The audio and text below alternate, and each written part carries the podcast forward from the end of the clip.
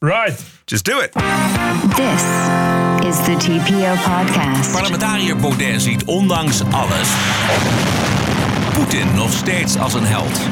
Henk Kamp klaar met D66-politicus Erik van den Burg. Je kunt niet ieder jaar 120.000 eh, mensen binnenlaten in de omvang van een stad als Leiden. En dan eh, vervolgens verbaasd zijn dat je te weinig woningen hebt. En Nancy Pelosi is klaar voor een oorlog met China. The big concern is some kind of military escalation.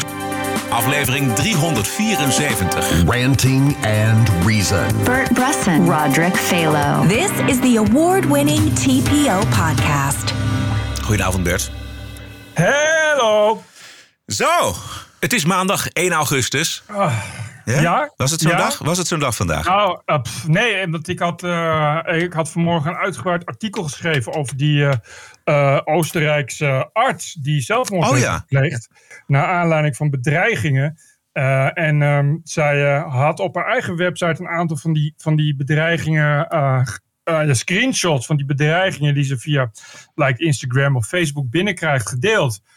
Maar, Ja. ik, ik heb veel gelezen al op het internet, zal ik maar zeggen. Maar wat die vrouw toegestuurd kreeg, is wel heel angstaanjagend. Kun je één, twee Ja, voorbeelden noemen? Zal ik even, want Ja. ik heb ze ook op, ik heb ze vertaald en op geen stijl gezet. Dus ik kan er even één voorlezen. Dan Ja. begrijp je meteen wat ik, eh, wat ik bedoel. Dat is, eh, en dan moet je bedenken dat die mensen ja, dus vrij rondlopen. Want er is nog steeds niemand gepakt. Ja. Uiteraard. Eh, even kijken. Titel is: Hallo, jij dom stuk stront. Je kunt wel met aangiftes dreigen, maar je krijgt me sowieso niet te pakken. In plaats daarvan heb ik besloten jou te pakken. Wanneer ik daar ben, zal ik uiteraard ook alle andere medewerkers van je praktijk afslachten. Ik ben bewapend en heb een jachtgeweer. Daarmee zal ik je niet alleen voor je raap schieten, want dat is veel te makkelijk. Nee, ik zal als patiënt komen en wanneer we dan alleen in de behandelkamer zijn, zal ik je neerslaan en aan je artsenstoel vastbinden. Daarna zal je moeten toekijken hoe ik je medewerkers de keel doorsnijd. Ik zal je zo neerzetten dat je helemaal onder het bloed komt te zitten, wat uit hun nek zal spuiten. Wanneer dat varkentje eindelijk is gewassen, zal ik een paar maal op hun lijken trappen, zodat je ook daarvan kunt genieten. Je kunt dan niets doen, omdat je in je eigen privé-lockdown op je stoel vastzit. De vaccins die je hebt, zal ik direct bij een medewerker in de aderen spuiten. Of misschien direct met een naald in het hart. Dat wordt een leuk gezicht wanneer ze de ogen wegdraait nadat ze een dodelijke vaccindosis heeft gekregen, niet waar? Alleen bij de gedachte al moet ik lachen. Daarna kom jij aan de beurt. Als dokter weet je zeker wel hoe je een lobotomie uitvoert. Die zal ik dan uitvoeren en dan via je ogen de rest van de vaccins die zich in je praktijk bevinden in je hersens spuiten. En als dat lieten zijn, zal je brein in het vaccin zwemmen. Misschien overleef je dat. Lobotomie met vaccinschade. Ik weet zeker dat het leuk wordt wanneer je immuunsysteem in de dagen daarna je hersencellen aanvallen en vernietigen. Zo zul je langzaam maar zeker sterven en kom je als vanzelfsprekend in de categorie vaccinatieschade terecht. Mocht ik echt te veel weerstand ondervinden wanneer ik op bezoek kom, dan schiet ik je eenvoudig weg gelijk dood. Wel jammer, want dan hebben we minder plezier. Tot ziens, Klaas. En dit, en dit is dus één, hè? En er is, is er dus nog één in die gaat een uitgebreide martelfantasie. Geeft die, eh, geeft die weer. En hoe komt En- dit tot haar? Via een brief, e-mail of via Nee, eh, social media? social media, maar eh, ze kreeg dus ook mensen op bezoek in haar praktijk die dan dreigementen uiten. Eh, ze had een, iemand eh, ingehuurd voor de beveiliging. Die had al drie vlindermessen in beslag genomen. Jezus mina.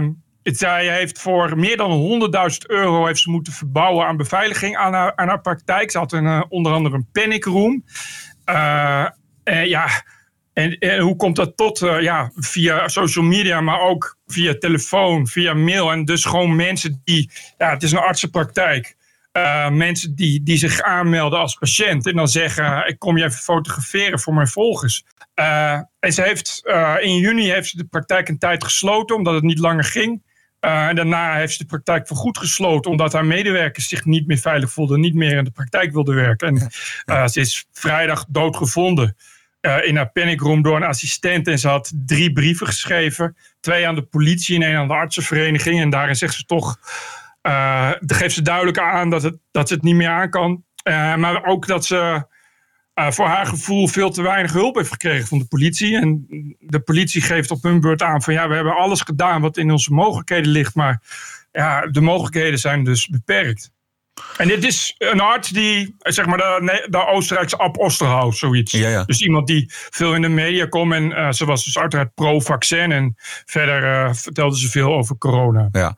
Nou, ik, ik vroeg het hoe, hoe eh, dat tot haar kwam. eh, omdat via sociale media kun je nog wel eens dingen negeren. Weet je, kun je wel denken van nou, er, er wordt wel veel meer gezegd op sociale media. Maar dit is dus wel zo gericht aan haar. En ook Ja. omdat die beveiliging dus al zoveel van die mes in beslag heeft genomen. Dit moet een echt een serieuze nachtmerrie voor haar geweest zijn. Die ze niet langer Ja, aankon. je, je kan je echt, echt gewoon niet voorstellen hoe dat geweest moet zijn. Nee. Ook omdat je, eh, ja, want die politie heeft wel, eh, ze hebben één keer een verdachte gepakt en die ontkende. Eh, en, maar dat was de regiopolitie. Ze kregen dan weer geen jurisdictie van de nationale politie. Dus daar konden ze dan weer niet verder mee. En ze hadden een keer een ander spoor. Ja, dat gaat dan naar Darknet, want op internet is alles anoniem. Dan zeggen ze ook van ja, we kunnen er niks mee. Hoe frustrerend moet dat zijn? Hè? Dat zei ze op een gegeven moment ook van ja, ik, ik, ik moet stoppen omdat ja, ik heb nu al meer geld uitgegeven dan dat ik winst maak met de praktijk. En je, je, je kan op een gegeven moment, je, moet je ophouden met beveiligen. Nou, kijk, bedreigen is één natuurlijk. Maar waar het natuurlijk, wat haar waarschijnlijk tot wanhoop gedreven is het feit dat ze zo weinig steun heeft ondervonden. Van collega's, misschien ook van, eh, de, van de politie, van de, van, van de Oostenrijkse Nou ja. overheid. Dat is, dat is eh, haar gevoel. De, de politie zegt letterlijk, we hebben meer dan 100 gesprekken gevoerd met haar. Ja, oké. En, en die artsenvereniging zegt, ja, we hadden ook al een, een advocaat op onze kosten voor haar ingehuurd. En hebben eh, plannen gemaakt. Dus ik lees alleen wat de Oostenrijkse media erover schrijven. Maar ik denk dat het vooral ook... Kijk, die politie wil wel, maar ja, die is verder hetzelfde als in Nederland. Ja. De, de mogelijkheden zijn natuurlijk beperkt. Eh, er is te weinig mankracht. Ze, haar praktijk eh, was ook op het, op het platteland. Dus hè, daar zou niet, struikel je niet meteen over de politie. Dus je weet hoe het gaat. Dan ga je naar de politie en zeg ja, we zullen extra patrouilleren. Ja, wat heb je daaraan?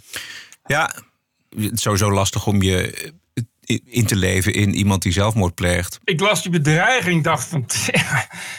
Tering, dat is toch... eh, het is geen bedreiging meer. Het is een soort sadistische orgie. Het is niet een misdadig aan wie het wordt gemaild. Het is niet iemand die in beeld komt waarvan bekend is dat hij tien baby's heeft vermoord. Dit is een arts die wil helpen. Dat je die mensen zo doorslaan dat ze echt martelfantasieën krijgen. Dat is, ik kan dat niet begrijpen. Nee. Nou, is het natuurlijk zo dat eh, politici en cartoonisten hebben ook vaker dit soort bedreigingen natuurlijk gekregen. Ook heel en detail. Wilders die publiceert ze wel eens. Door de hele wereld worden de mensen bedreigd. Het zal vast zo zijn dat de ene daar beter tegen kan dan de ander. Maar ja, om dan zelfmoord te plegen. Wat stond er in die brieven? Wat, eh, zat daar een aanknopingspunt om op een gegeven moment dan maar uit het leven te stappen? Nee, alleen dat ze het niet meer aankon. Ja. Dat stond er letterlijk. Ik kan, het, ik kan het verder niet meer aan. En ze heeft eh, de afgelopen maanden regelmatig aangegeven dat ze inderdaad vond dat ze te weinig hulp kreeg. Ja, en bij een zelfmoord is het natuurlijk ja, persoonlijk. Ik bedoel, Ja. ja, je, je, je kan, je, het is natuurlijk al- altijd onmogelijk om te zeggen iemand is schuldig aan een zelfmoord. Degene die altijd schuldig is aan een zelfmoord ben je natuurlijk zelf. Ja. Dat- Maar, eh, en, en, en de een bedoel, die, die, heet die Van Rast, eh, die Belgische viroloog, Ja. die kreeg een ontsnapte, of een ontsnapte een militair met een antitankgranaat achter zich aan. Zonder dat het hem nou al te veel leek te boeien. Kijk, iedereen reageert er verschillend op. Ja, precies. Dus je- Zij kan natuurlijk. Je- haar karakter kan gericht zijn op helpen. Ik bedoel, Ze is arts niet voor niks. Ze is, van, ze is van goede wil. Ze is, van goed, ja, ze is goed gelovig. Ze heeft vertrouwen in de mensheid. En dat is er waarschijnlijk met deze bedreigingen allemaal ontnomen. Waardoor er, denk ik, ja, misschien veel meer in werking wordt gesteld bij haar in haar brein. En, en dat ze op een gegeven moment verder maar geen uitweg meer ziet. Ja, het is natuurlijk wel echt een, een zee van emotie die je Ja. dan overstroomt. Je Ja. moet natuurlijk wel rekening houden met het feit dat dit inderdaad ehm, mensen zijn die niet normaal veel op het internet zijn waarschijnlijk. Weet je? En dit zijn dus mensen die... eh, er komt zo'n pandemie en ze hebben expertise en worden dus gevraagd voor, voor programma's. Nou, zo'n groot land, Oostenrijk. En, en dan ga je voor de eerste keer bij zo'n televisieprogramma zitten en dan open je je mailbox...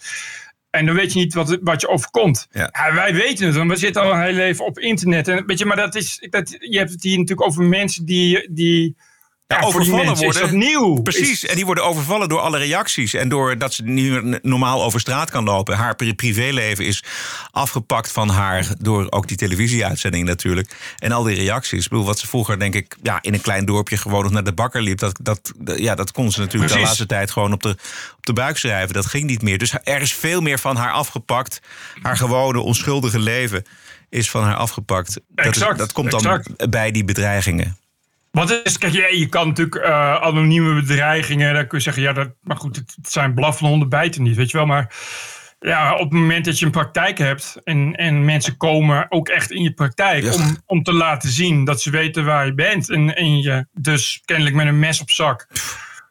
Ja, dan voelt dat wel heel anders dan uh, dreigementen via social media, weet je. En, en, en ja, ik, ja maar dat, en, eh, en dat blijft het best. Dat is met, met stalkers ook zo, weet je. Het is juridisch heel moeilijk om iets tegen mensen te doen die, die zelf niet, ja, niet, niet normaal willen doen. Maar even iets vrolijkers. Het wordt steeds onduidelijker waar het precies voor staat. Maar de Pride Week is begonnen. En ik hoorde vanmorgen op Radio 1 dat eh, Pride niet alleen opkomt voor homo en andere non-hetero mensen, maar ook voor het klimaat en armoedebestrijding. En Pride gaat tegenwoordig ook over Palestijnen. Dat zie je steeds vaker bij de jongere eh, generatie. Die zijn heel erg bezig met bijvoorbeeld eh, de, de klimaatverandering, eh, Mhm. armoedebestrijding, dat soort dingen. Ja. Ehm, en dat gaat wel gepaard met eh LHBTIQ. Het is niet iets losstaands. Nee, maar het is best ingewikkeld, want we hebben dus in, in Nederland dan die week, die Pride Week, voor iedereen om te laten zien wij mogen er ook zijn. Ja.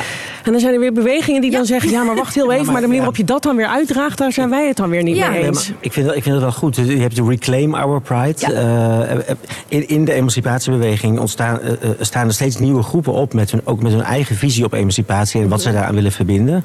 En ik, ik weet, en dat roept ook discussie op, maar dat eergisteren op het Damplein eh, ook hardop is gezegd dat we misschien een verbinding moeten voelen met mensen die strijden eh, eh, om politieke vrijheid, zoals bijvoorbeeld Palestijnen. Ja, tuurlijk. Wel Tuurlijk. ja. Ja hoor. Wel ja. Ja. Oh, dat lijkt me inderdaad. Dat logisch. logisch, logisch, Dit logisch. is een LHBTI-dominee. Zijn naam is Willy L. Horst. En die, en die mag het dan hebben over eh, het, het interne gesprek in de beweging. Maar dat Reclaim Our Pride, dat ziet volgens mij al die oude... Die, die beweging zien ze gekaapt door Jan en Alleman. Onder andere nu ook wel weer door de Palestijnen. En volgens mij gaat het net zoals bij de woke shit. Everything woke turns to shit. Nou en of. Je hoort die, die dominee, die, die zegt van ja, het is goed dat er binnen die emancipatiebeweging nieuwe groepen opstaan. Maar hij gaat voor het gemak maar even aan voorbij. Dat al die groepen tegen elkaar zijn gericht. Ja, exact. Dus Ja. voor elke nieuwe groep die erop staat, komt er weer een groep die daar weer tegen is. Ja. Met het jaar wordt het diverser en, en dan echt ook diverser in de zin dat het helemaal verwatert, zullen we maar zeggen. Dat zie je Ja. heel erg nu.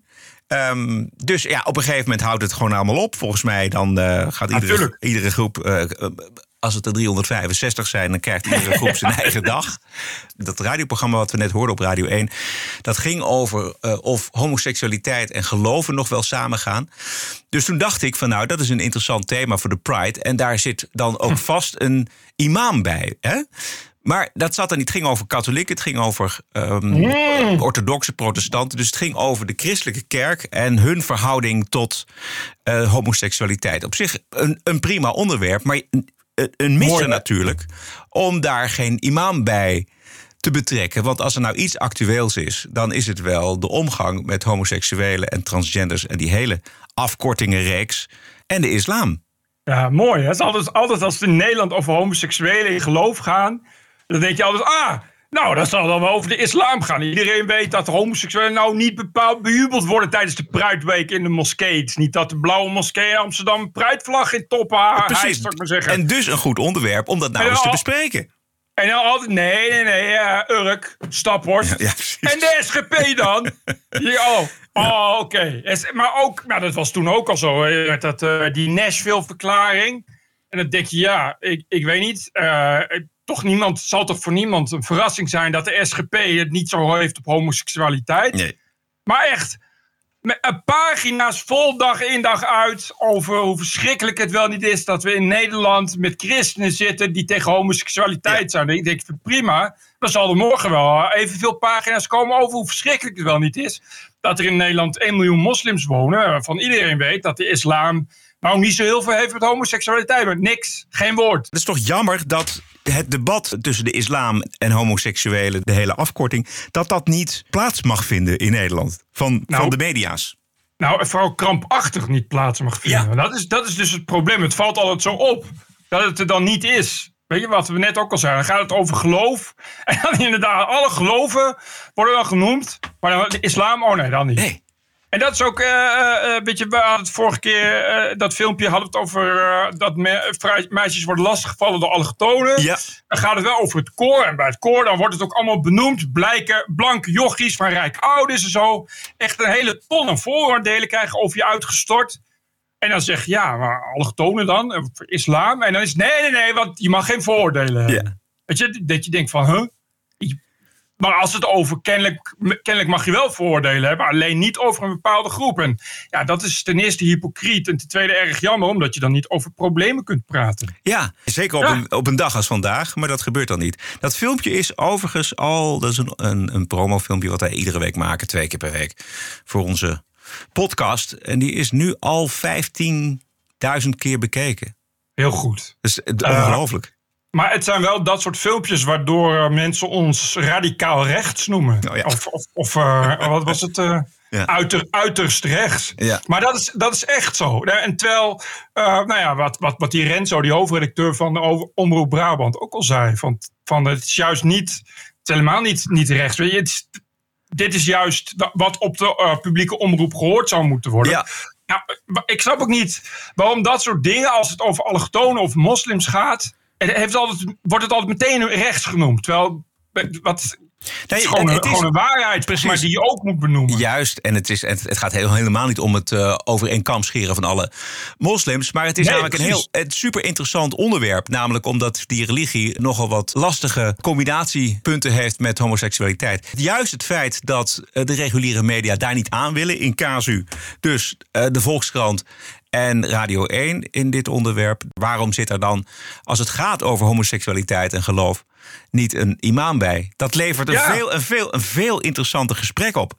Ja, maar ook dat ik, dat ik denk van waar- waarom wordt het altijd als rechts geframed? Het is Ja. gewoon een onderdeel van de werkelijkheid. Daar kun je het dan toch gewoon over hebben. Ja. Het, is toch, het is toch niet ooit bepaald dat eh, eh, als je over allochtonen praat of over, over moslims, dat het dan altijd per definitie rechts is. Je praat over alles, maar dat dan niet. Dat slaat toch nergens op? Ja, ik kan alleen maar bedenken dat daar toch een soort taboe op rust. En dat het dus ja, Ja, dat, moslims heilig verklaard zijn. Daar moet je. En daar hebben we het er weer over. Daar is laatst best wel een aardig boek over verschenen. Het boek De Schijn regeert. Het gaat namelijk over dat journalistiek, de journalisten, de media. toch het gevoel hebben dat ze een belangrijke rol spelen in de beeldvorming. En moslims zijn al zo vaak negatief in het nieuws. En dus ehm, ja, moet je misschien als het over homoseksualiteit gaat, geen imam uitnodigen. Het er gewoon niet over hebben. Want je, je ontkomt namelijk niet aan negatieve verhalen.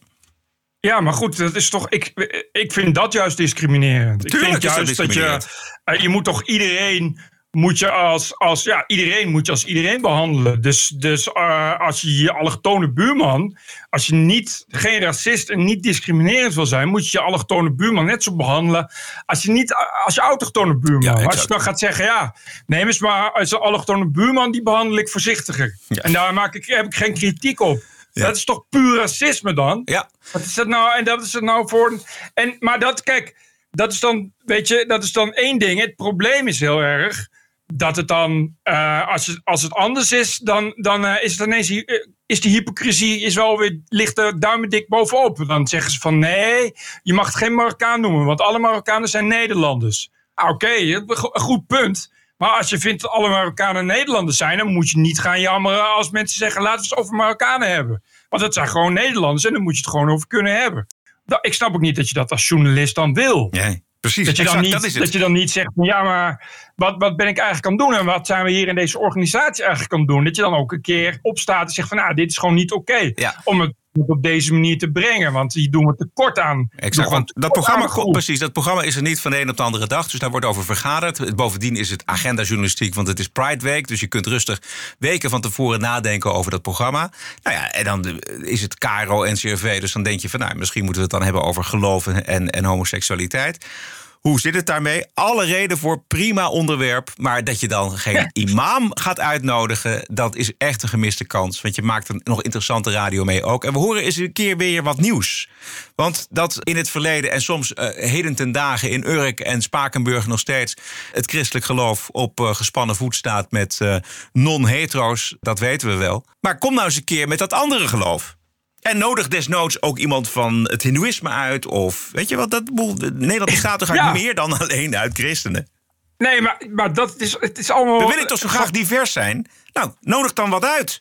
En het is ook allemaal heel erg alsof het nog steeds 1973 is. Weet je wel? Christ, christenen als vijand. Dat je denkt van, heb je überhaupt wel eens, wel eens gekeken hoeveel mensen nog christelijk zijn in Nederland? Weet je, de, ja. de SGP die bestaat uh, al... Uh, voor zover ik weet, dus voor zover ik leef, is al 46 jaar uit nooit meer dan drie zetels. Ja. Dat, weet je, het is allemaal zo passé. Het is allemaal zo enorm 80 jaar geleden. Dat je denkt van ja, je kan er toch ook een keer voorbij gaan. Het is toch, ja. het is 2022. Bij Radio 1 dan allerlei ideeën leven daar over. We moeten diverser zijn en we moeten diversiteit ook in onze programma's moet te horen zijn. En dan bij het programma waar het juist zo aardig is om iemand van een andere cultuur uit te nodigen, zie je alleen maar blanke christenen. Volgens mij kun je, kun je, zijn er ook echt voldoende, ook in Nederland, al moslims, met wie je gewoon over homoseksualiteit ja. kunt praten. Ja, super zonder dat het heel, heel raar wordt, of zonder dat het discriminerend of bevoordelend wordt, hoef je echt niet bang voor te zijn. Precies. In de TPO-podcast op vrijdag, de Wokweek. Ook in de wiskunde valt nog genoeg te decoloniseren. Het absurdisme. You're an adult, grow up, deal with it. De terreur. Everything woke turns to shit. En het verzet ertegen. This cancel culture is gonna end, end, end. De Wokweek in de TPO-podcast op vrijdag. Harde kritiek van VVD-prominent en vertrouweling van Rutte, Henk Kamp, vanmorgen bij WNL op Radio 1. Ja. Uh, de kritiek betreft het asielbeleid. Henk Kamp ziet het, net als u en net als wij, helemaal misgaan. Ik denk dat de, de woningbouw en de immigratiepolitiek uh, dat die nauw met elkaar samenhangen. En ik denk dat daar nog een, uh, een slag te maken is. Ik denk dat het niet mogelijk is als die immigratie op de huidige ongecontroleerde wijze door laat gaan, dat je dan uh, de woningbouwproblematiek, de woningproblematiek in Nederland, dat je die op kunt lossen. Dus u dus bent voor zo'n zal... tijdelijke asielstop? Nou ja, niet alleen asielstop. Het gaat om, uh, om mensen die hier naartoe komen om te werken uit Oost-Europa. Terwijl er hier in Nederland heel veel mensen die kunnen werken aan de kant staan. Het gaat ook om grootschalig misbruik van de asielprocedure. Dus ik denk dat er op dat punt uh, ja, echt wat moet gebeuren. Ja, daar zegt u kunt... wel wat. Want dat is natuurlijk iets waar coalitiepartner D66 heel anders in staat. Ja, zeker. Je kunt niet ieder jaar 120.000 uh, mensen binnenlaten in de omvang van een stad als Leiden. En dan uh, vervolgens verbaasd zijn dat je te weinig woningen hebt. Dat gaat natuurlijk niet. Nee, maar de VVD dus... zit wel in een kabinet met D66. Sterker nog, de kritiek is ook dat de VVD steeds meer opschuift nou ja, richting D66. Links. Ja, het kan nooit zo zijn dat één partij, of het nou D66 of de VVD is, dat die zegt wat er in dit land moet gebeuren. Je moet het met elkaar eens zien te worden. En dat komt op de kracht van je argumenten aan. Dus we zullen ons bij de VVD vooral op onze argumenten moeten uh, richten. Ja, dus niet alleen een asielstop, maar ook arbeidsmigranten minder en misbruik aanpakken. En dat is allemaal volgens mij lijnrecht tegen in ieder geval de geest van Erik van den Burg en Mark Rutte in. Uh, ik vind dit wel uh, een pittige kritiek op het eigen kabinet, moet ik zeggen. Ja, kan, uh, kan Erik van den Burg nog worden ingeruild? Ja. Tegen, ik bedoel, heeft, heeft Rutte het bonnetje nog van Erik van den Burg?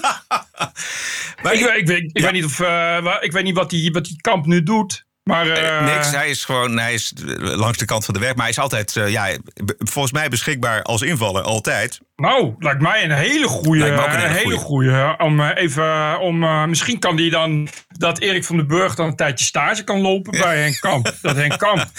Want wat hij zegt lijkt me eigenlijk gewoon glasheldere logica. Ja, heel gek. Ja, dat je ook zegt van, Je kan niet elk jaar honderden, meer dan honderdduizend mensen het land invoeren en vervolgens klagen over woningnood. Nee, dat gaat niet samen. Maar wat je ook hoort en wat hij dus ook toegeeft, is dat uh, Rutte verdomd slecht, of Nou. heel slecht eh, onderhandeld heeft met D66. En dat D66 inderdaad zoveel gekregen heeft tijdens de onderhandeling. En dat het dus eigenlijk een D66-kabinet is. Het is eigenlijk D66-beleid. Ja, want dat zei die presentator wel goed. Van ja, maar, dat, eh, maar je, zit, je zit, de VVD zit in een coalitie met D66. Waar ze dat willen. Dus, eh, maar ja, Henk Kamp is maar Henk Kamp. Henk Kamp is niet Mark Rutte en Henk Kamp is niet de VVD. Dus Henk Kamp kan Henk Kampen wat hij wil. Bedoel, vooralsnog is Rutte gewoon leuk op vakantie en met zijn tassendragers. En de rest van de VVD ook. Hangt niet om een paar weken, zou ik zeggen. Maar ja, hij is een echte vertrouweling van Rutte. Dat, in, in dat gesprek hoor je dat ook. Ja, zeker. Hij zegt dan ook op een gegeven moment van... nou, Rutte kan nog wel een paar termijnen door. Dat is dan het nieuws. In, eh, op een dag als vandaag, weet je wel... Ja, elke, elke Ja, ja, website kopt dan dat... Rutte nog wel tot eh, het nog wel 20 jaar mag volmaken. Eh, maar dit vond ik eigenlijk het echte nieuws. Namelijk dat, er, eh, dat hij behoorlijk eh, fikse kritiek heeft... op dat verschrikkelijke asielbeleid van die Erik van den Burg. Ja, natuurlijk is dat nieuws. Maar, en, en ook omdat. eh, kijk, dit is natuurlijk een oude rot in het vak. En, en die, volgens mij is wat Van de Kamp hier zegt, is het gewoon het VVD-geluid. Eh, terwijl Rutte eh, toch vooral het D66-geluid laat horen. Ja, exact. Wat, wat gewoon dus overduidelijk steeds meer schade eh, aan het land toebrengt. Ja. Wat ik een beetje miste in het gesprek was de verantwoordelijkheid van de VVD zelf. Dus, want we hebben natuurlijk twee VVD-staatssecretarissen gehad op dit onderdeel. Mislukte staatssecretarissen, Ankie Broekers-Knol en Erik van den Burg. Ehm, dus daar, dat was mooi geweest als die vraag nog was gekomen. Van, eh, maar wat vindt u dan van eh, het beleid van Erik van den Burg? Het i- hij is toch verantwoordelijk? Ja, ja, dan, Ja. dan krijg je nog wel misschien eh, iets aardigs. Maar dit is ehm, echt een afkeuring. Want hij heeft het niet alleen over, hij heeft het niet alleen over, over asielstop. Hij zegt dus, ja, het hele systeem is verrot. En we moeten het misbruik aanpakken. En we moeten ook stoppen met die arbeidsmigranten. Eigenlijk zei, zegt hij dus met zoveel woorden dat het beleid van Erik van den Burg volkomen ruk is. Ja. En, en ook dus dat het, dat, de, dat het beleid van de VVD volkomen ruk is. Dat die zich eh, volledig oren laten hangen naar D66. Ja, exact. Wat, wat bizar is, nogmaals. Ja, de enige verklaring daarvoor is dat Rutte zo graag premier wilde worden. En dat dit de enige combinatie was. En dat dus eigenlijk inderdaad D66 zo'n fantastische onderhandelingspositie heeft ingenomen. Dat ze zoveel konden vragen. Overigens, eh, dit is ook, eh, dit is ook zoiets waar we net over hadden. Want eh, dat je, als je het over asielzoekers hebt, ben je ook meteen rechts Oh ja. een racist. Ik las eh, in de Volkskrant een interview met de directeur van Human Rights Watch. Die eh, gaat met pensioen. Eh, dat is een blanke babyboomer, zeg ik vast even bij. Dat, dat is belangrijk zo meteen in het gesprek. Eh, en daar eh, had de Volkskrant iemand op afgestuurd die echt hallucinant slechte vragen stelde. Die, waarvan ik dacht van het lijkt er meer op alsof je, alsof je je eigen GroenLinks agenda nog even wilt toetsen aan iemand van Human Rights Watch. Toen had ik al gegoogeld en toen stond er dat ze eh eh Vossius Gymnasium had gedaan en daarna sociologie had gestudeerd. Het was een blank meisje met blond haar, ze is nu al in de 60. Dus dan begreep ik het een stuk beter. Maar ehm, die, die gast had eh, verder een heel goed verhaal over, over mensenrechten. Echt dat je dingen zegt van, nou, kan zo bij ons in de podcast vinden wij ook van mensenrechten. Maar dan komt het aan op asielzoekers. En dan is het- nee, iedereen is een racist. Als je, als je asielzoekers niet wil toelaten, is racisme. Oh ja? ja, hij ontweek ook eh, toch wel goed al die droevige vragen. Eh zij begon ook meteen van ja, eh, is Europa niet gewoon mislukt omdat we eh, asielzoekers terugduwen? Weet je, dat ontweek hij goed. Hij, hij, zei echt dingen ook inderdaad eh, over, van je, over Rusland bijvoorbeeld. Van ja, je kan niet zomaar Russen gaan cancelen. Dat doe je alleen maar meer kwaad dan goed. En dat is, dat is even goed mensenrechten schending. En eigenlijk alle dingen die bij ons ook voorbij komen qua realisme. Maar dan gaat het over asielzoekers. En echt, nee, het is duidelijk dat, eh, dat in Nederland mensen vooral islamofoob zijn. Jezus. Want, dus, want ze willen wel eh Oekraïners opnemen, maar geen eh, moslims. Asielzoekers weigeren is mensenrechten schending, is puur gebaseerd op racisme. Ja. Je echt van... Dude, nee, alles, weet je wel, echt volkomen dichtgetikt. We hebben het er vrijdag ook eh, uitgebreid over gehad. Er zijn heel veel PvdA'ers, mensen ter linkerzijde... die gewoon wel streng zijn voor asielzoekers. Ook voor asielzoekers, namelijk uh, dat we niet iedereen kunnen toelaten. En uh, als we Rutte hebben gehoord over... ja, we kunnen geen mensen terugduwen naar Duitsland... want dat is in strijd met de Europese regels, dan is het ook in strijd met de Europese regels dat, Duits, dat die mensen niet in Duitsland of in de landen daarvoor hun asielaanvraag doen, maar helemaal hier naar Nederland zich laten eh, transporteren door de mensensmokkelaars om hier in Nederland asiel aan te vragen, omdat hier Erik van den Burg op die post zit.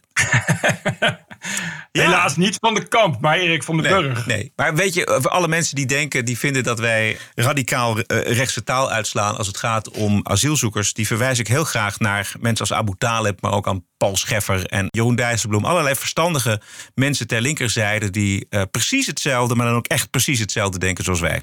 Misschien kunnen ze Deens gaan leren. Dan kunnen ze in de, ja. aan de Deense PvdA vragen hoe dat zit, radicaal recht zijn. Ja. Je moet er wel plek voor hebben. En daar gaat het om. En dat, wat is daar dan rechts aan? Dat is toch gewoon realistisch? Ik snap dat gewoon niet. Weet je wat ik ook las in de Volkskrant? Ja. Ik lees tegenwoordig altijd Volkskrant, omdat het echt altijd vol staat met dingen waar je dan aan kan gaan ergeren voor in de podcast. Ja. Uh, ja, dit is uh, een uh, verslaggeverscolumn van ene Jarl van de Ploeg. Jarl van de Ploeg was de vorige keer al op bezoek in Velzen Noord om uh, naar uh, gewone mensen te kijken die boos zijn over een asielzoekersopvang. En daarvan uh, wist Jarl van de Ploeg niet veel meer op te schrijven dan wat citaten over Mussolini. Want we weten allemaal Oh ja. dat mensen die liever geen asielzoekers willen eigenlijk, eigenlijk fascisten zijn. Jarl van de Ploeg had dit keer iets nieuws over een Spaanse rapper. en daarover schreef hij dat deze rapper zich uitte in uh, uh, kapitalistische wansmaak. namelijk dure horloges en auto's. Wat, wat moet de Volkskrant gaan die uh, Vrij Nederland 1968 opnieuw Ja, ja, oprichten? Of ja. hoe? Ik zit even te. Kapitalistische wansmaak, dure horloges. Ja. Het is niet alleen dus diversiteit en inclusie die eh, de Volkskrant nu volledig in zijn greep heeft, maar inderdaad ook de, het anticapitalisme. Ik las ook de Oh, column man. van Haro Kraak over de, het grensoverschrijdend gedrag bij het Amsterdamse Ja, studentenkoor. die, die heb ik overgeslagen. Oh man, en dat gaat dan over dat het eigenlijk allemaal ten grondslag ligt aan de poencultuur. Oh ja, oh. Dieperliggende probleem is een cultuur van macho's en patsers voor wie welvaart vanzelfsprekend is. Patsers en welvaart. Welk wereldbeeld hebben die mensen? Die zien ook echt... Precies. Uh, als, je, als je meer verdient dan normaal... dan ben je een soort vetgemeste bankier met een hoge hoed en een sigaar. Zoiets. En daaruit volgt automatisch vrouwenhaat en huftergedrag. Vrouwenhaat. Ja, wat, het wat is heeft, echt- waar heeft, het, oh, wat heeft dat in oh, godsnaam man, te oh, maken met kapitalisme? Het, dat anticapitalisme trek ik Ja. zo slecht. Ik Ja. begrijp dat gewoon niet. Ik las laatst ook ergens een artikel dat het gewoon belangrijk is. Dat, dat het een belangrijke waarde is dat kunstenaars zich anticapitalistisch uitdrukken. Ah, fuck it. Ik, huh? ik, ik, hoezo dan? Ja. wat, Wie wat zegt dat heeft, dan? Ja, maar wat heeft kapitalisme dan precies verkeerd gedaan? Ja. Je, je, je kan wel ook van alles vinden over kapitalisme. Natuurlijk doet dat heel veel dingen verkeerd. Maar er is nog niet echt een beter alternatief. Ten eerste. En ten tweede, je kan nog niet echt ontkennen dat, pak een beet, de afgelopen 80 jaar, dat kapitalisme nogal wat welvaart heeft gebracht. Ja. Nou ja, er zit, er Echt zit- ja. heel veel welvaart zelfs. Ja. En er zitten natuurlijk allerlei haken en ogen aan dat pure kapitalisme. En dat moet ook beteugeld worden, vind Tuurlijk. ik ook, eh, door de overheid. Maar dat, dat, die felle haat richting het kapitalisme, dat is, van, dat is een andere aard. Eh, Dat is de onderbuik van links. De, de, de, wereld moet eh, eenvoudig vertaald worden. En dan is het kapitalisme is het ultieme kwaad. En alles wat daarmee te maken heeft, is slecht. Ben je tegen kapitalisme, maar dan wel tegen betaling. Weet je, een beetje Joris Luijendijk. Ja. Beetje, beetje, ja, nou, eh, Rutger Bregman wel, wel, weet je, maar wel bestsellers schrijven Ja, ja, en exact, miljoenen naar binnen trekken. Dat anticapitalisme is altijd hypocriet geweest. Ik ben een paar keer in Berlijn geweest. Ook nog één keer voordat daar de muur viel in de jaren tachtig. En toen was die muur gevallen, ben ik weer teruggegaan weer te kijken. En toen bleek dus ontdekt te zijn na het vallen van de muur... en het val van het communistisch regime... dat dus die partijtop in Oost-Duitsland, vlak buiten Berlijn... een omheind dorp had waar zij alles wat, Oh, ja. eh, wat te koop was in het Westen eh, voorradig hadden. Terwijl de gewone bevolking eh, moest lijden onder eh, nou ja, een, een groot gebrek aan eigenlijk alle producten. Dus die, die partijleden die gaven natuurlijk op, op partijcongressen en of via de officiële kanalen hun uiting aan hun anticapitalisme, maar wel daarvan profiteren.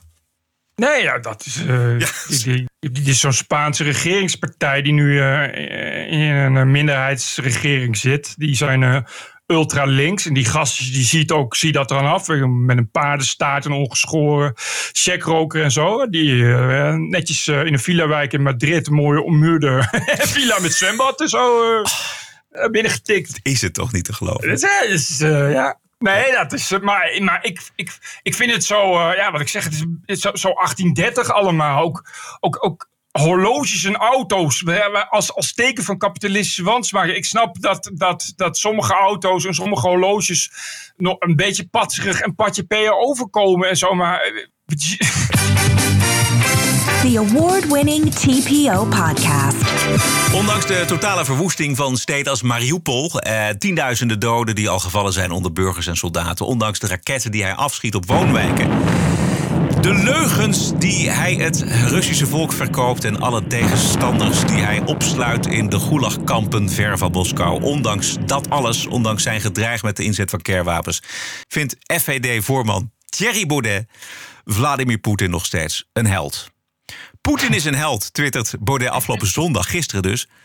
En hij heeft zich eerder in dergelijke heldentermen uitgelaten over Poetin. Dit is een recent gesprek met historicus Karel van Wolveren. Ik denk dat Poetin het goed doet. Ik denk dat het een van de beste leiders is zeg maar, van de Europese wereld die we nu hebben. Hij staat voor zijn land. En in tegenstelling tot Amerika, wat ik denk dat ongeveer het grootste gevaar voor de wereldvrede nu is, Amerika, Verenigde Staten van Amerika, zie ik in Rusland een, een macht die vrede en orde in de wereld probeert te brengen. En dat, dat vind ik goed. En dit is 7 juli jongsleden in de Tweede Kamer. Rusland komt opnieuw op voor de bevrijding van de wereld. Ja.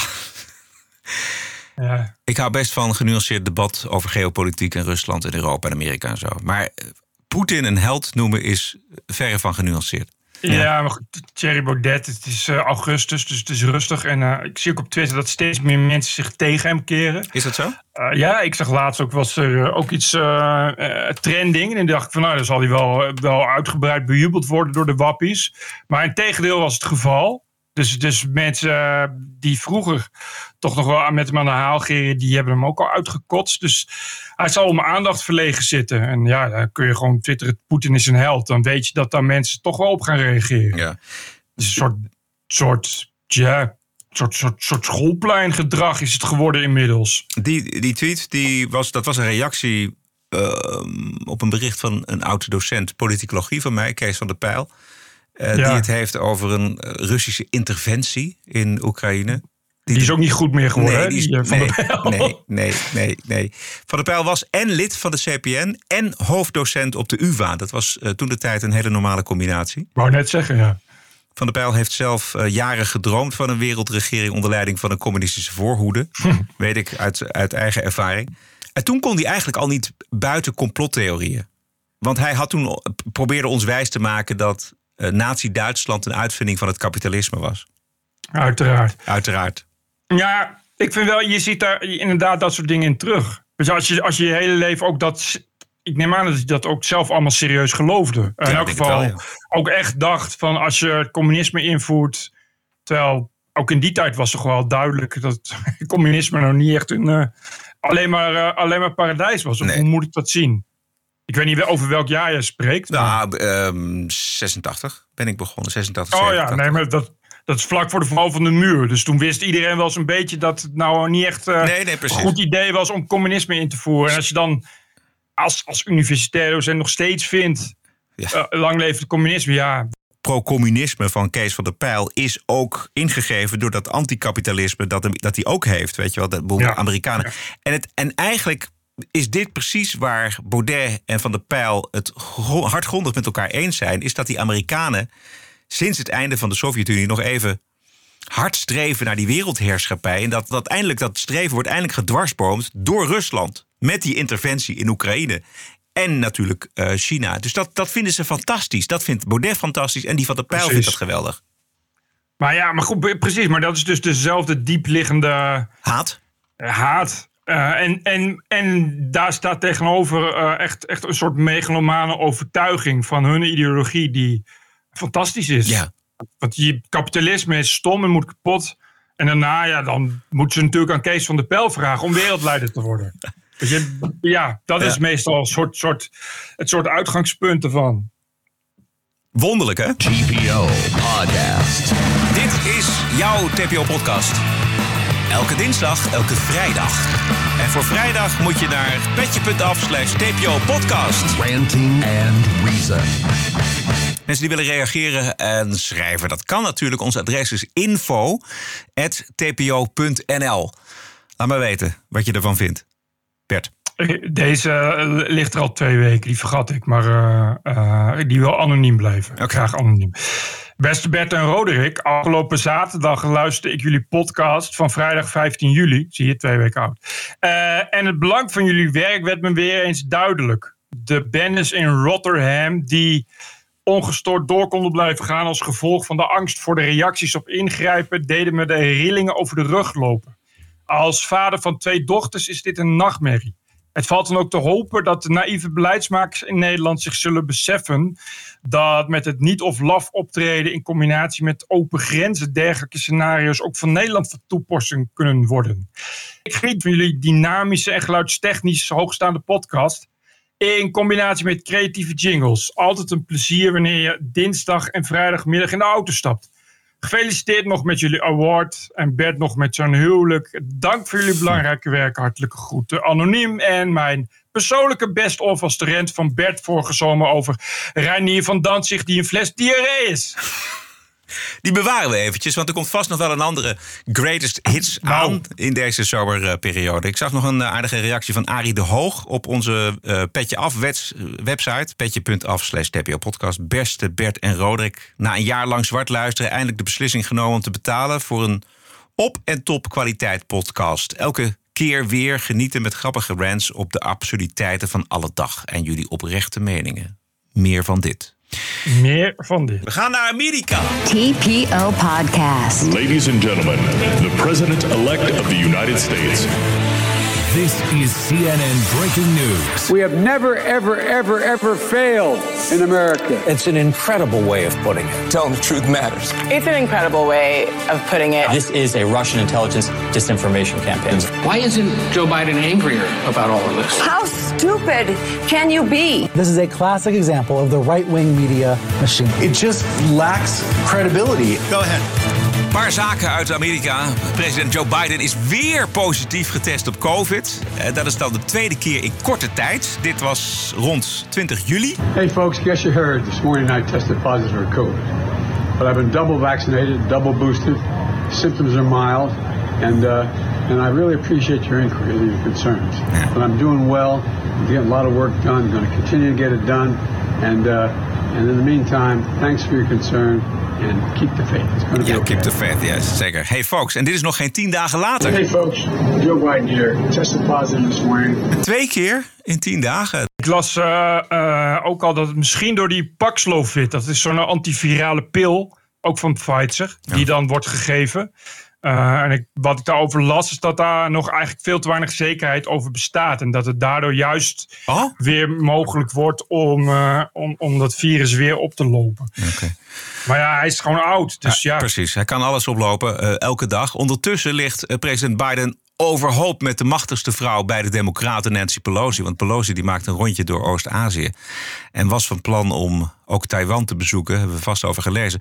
En daarover is China al dagen oh ja. in alle staten. En dreigt met een grote militaire oefening voor de kust van Taiwan. Of misschien wel meer. Waarop Biden Pelosi sterk heeft afgeraden om naar Taiwan te gaan. China ziet Taiwan als een, zoals u weet, als een afvallige provincie.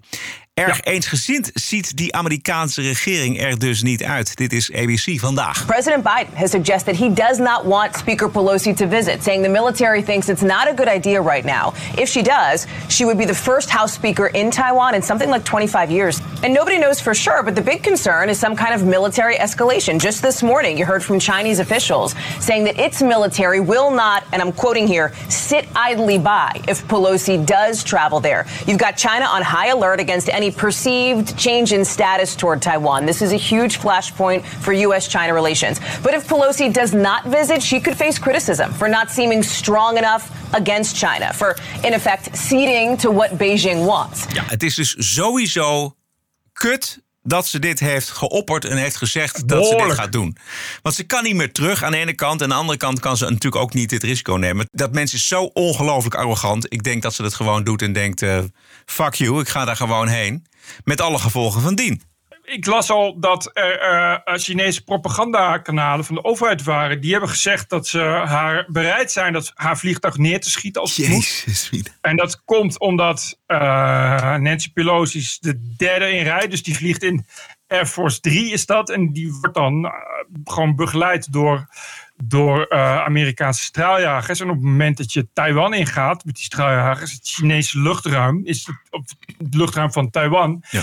uh, zien de Chinezen dat als oorlogsmisdaad. En zeggen ze, vinden ze dat ze het recht hebben om er alles aan te doen om uh, daar, daar haar dan neer te halen. Jezus, en de oorlogsschepen van de Amerikanen en, en, en China, onder andere in de Zuid-Chinese Zee, liggen al al dagen ja, op hairtrigger oorlogsstand. En al dagen aan het oefenen, uh, manoeuvres tegen elkaar aan het uitvoeren en dat soort dingen. Dat wordt een gezellige toestand. Hoe bestaat het toch? Dat, nou ja, goed, dit is wat zij doet.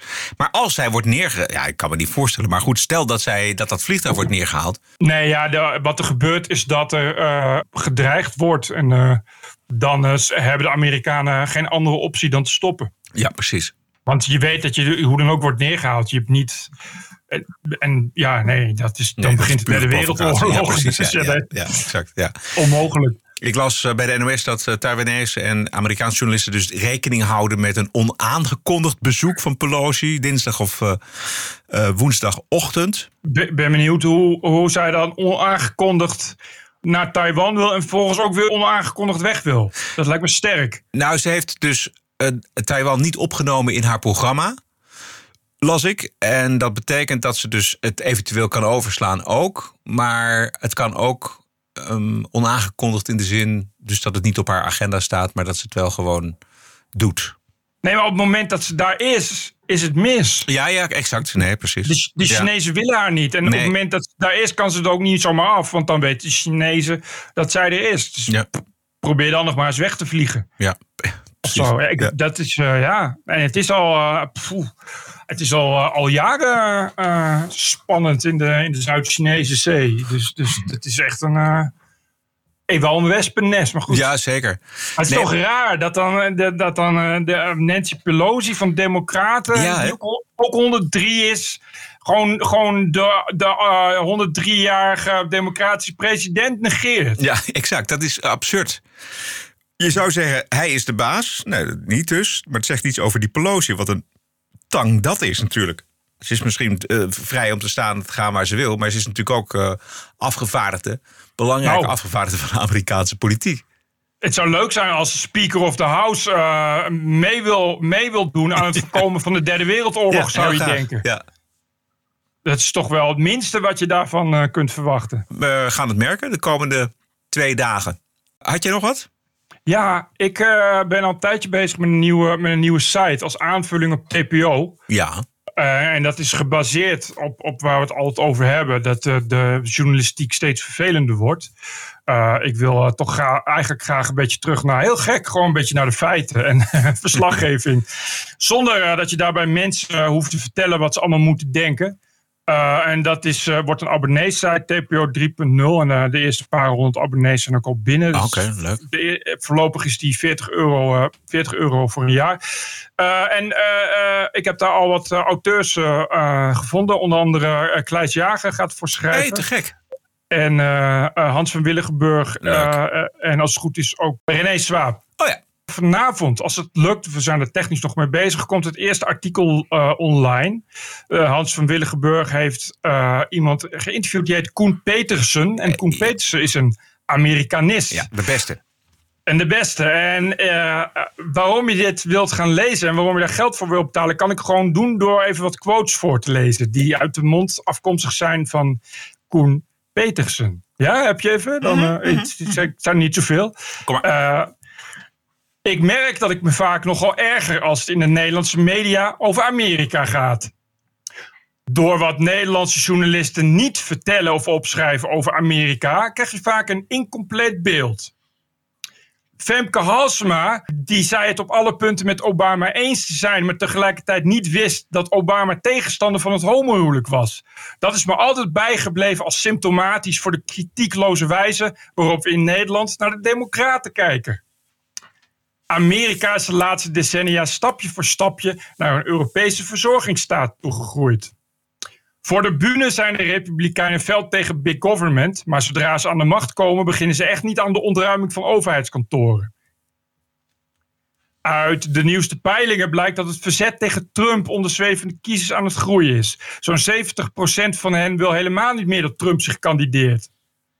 Van het tweede termijn van Biden wil haast niemand zich een voorstelling maken gezien zijn gezondheidstoestand van dit moment, wil je toch liever niet nadenken over de conditie die hem dan nog resteert. Nee, die tweede termijn gaat alleen al op puur fysieke gronden niet komen. Nou, en zo gaat dat nog 4000 uh, woorden door met alleen maar uh, powerquotes. Ja. Dus ik zou zeggen, uh, komt dat zien. En waar moeten de mensen heen? je kan naar tpo30.nl, tpo3 3.0, maar dan zonder punt, TPO 30. Maar ik zal het ook op TPO zetten, dan kan dat niet missen. Maar dan, het is dus wel, uh, ja, de, ik heb er een heel verhaal bij en alles. Je moet dan wel 40 euro betalen, maar dan mag je een heel jaar gratis kun je dit soort, dit soort verhalen kun je dan lezen. Hartstikke leuk. Mensen die het maken moeten ook worden betaald. Het ja, is niet dat natuurlijk. ik daar heel rijk van word. Natuurlijk, natuurlijk. Gewoon um, hartstikke mooi. En dat is, die lancering die gaat eigenlijk vanavond van start. Nou, ik, doe, uh, ik, ben nog bij, ik, ik, noem het een soft launch. Ik ben er nog, uh, nog mee bezig. En uh, in september ga, ik, ga ik daar wat meer rugbaarheid aan geven. Maar als het goed is, staat in elk geval vanavond dit artikel online. Sneak preview?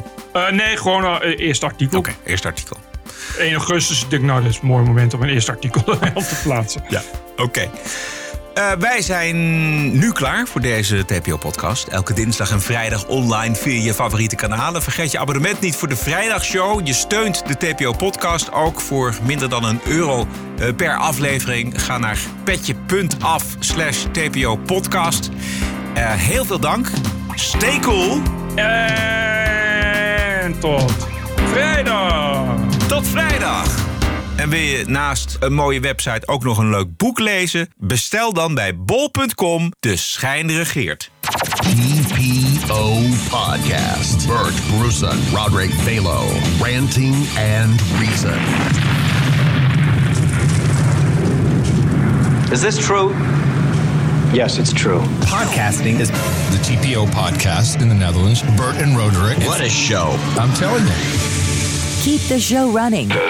Twee keer per week de TPO-podcast op dinsdag en op vrijdag. Twee keer per week. Ranting and Reason. Al vijf jaar lang op dinsdag voor noppes. En dat blijft ook zo. Maar de vrijdagshow is nu exclusief voor leden. Voor 4 euro per maand of 40 euro per jaar. De TPO-podcast. Twee keer per week en maar één keer betalen. Elke week de vrijdagshow voor maar 4 euro per maand. Keep the show running. Ga naar petje.af slash TPO-podcast. Don't miss. Don't miss.